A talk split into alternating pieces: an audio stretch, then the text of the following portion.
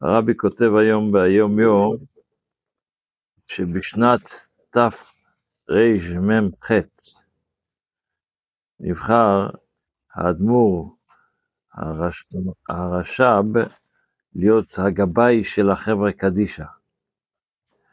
והמנהג היה אז שמי שנהיה גבאי של חבר'ה קדישא, הוביל אותו בשמחה בליווי עם רב לבית הכנסת, עשו כאילו חופה ולוקחים אותו לבית הכנסת.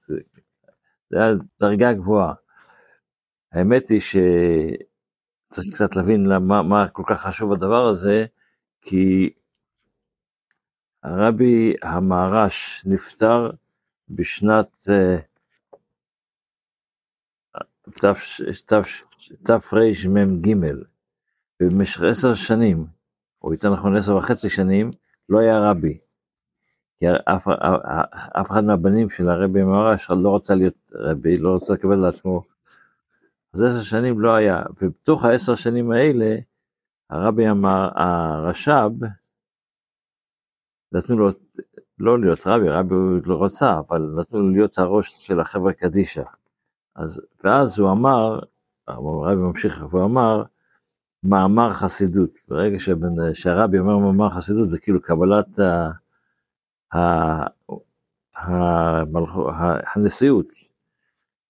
אבל זה עדיין לא היה, כי הרבי קיבל את הנשיאות רק בשנת אה, תרנ"ד, אבל באותה שנה, בתף, בשנת תרמ"ח, כשהוא נבחר להיות הגבאי של החברה קדישא, הוא אמר מאמר חסידות.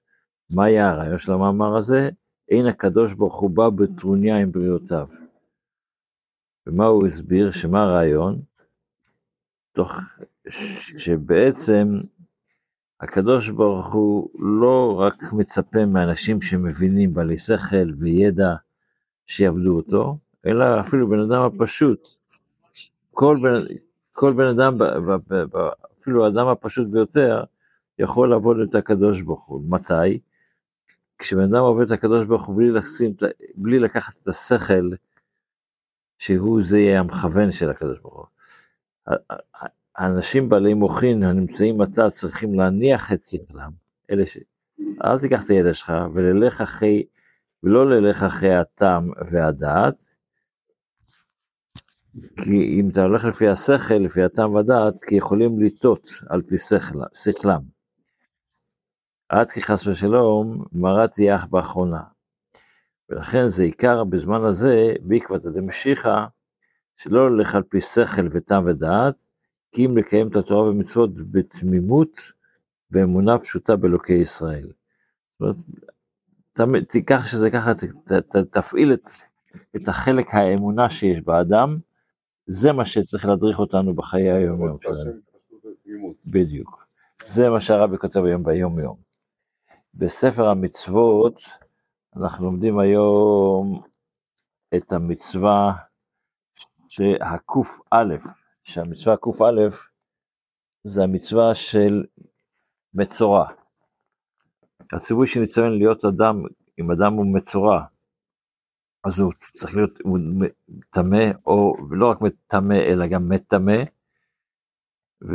ובמצווה הזו יש הרבה מאוד פרטים, מתי האדם נהיה מצורע, ממה הוא נהיה מצורע, צריך לבדוק את השערה, אם היא בתוך, מי שזוכר כך שכתוב בתורה, הפרטים של העניין הזה.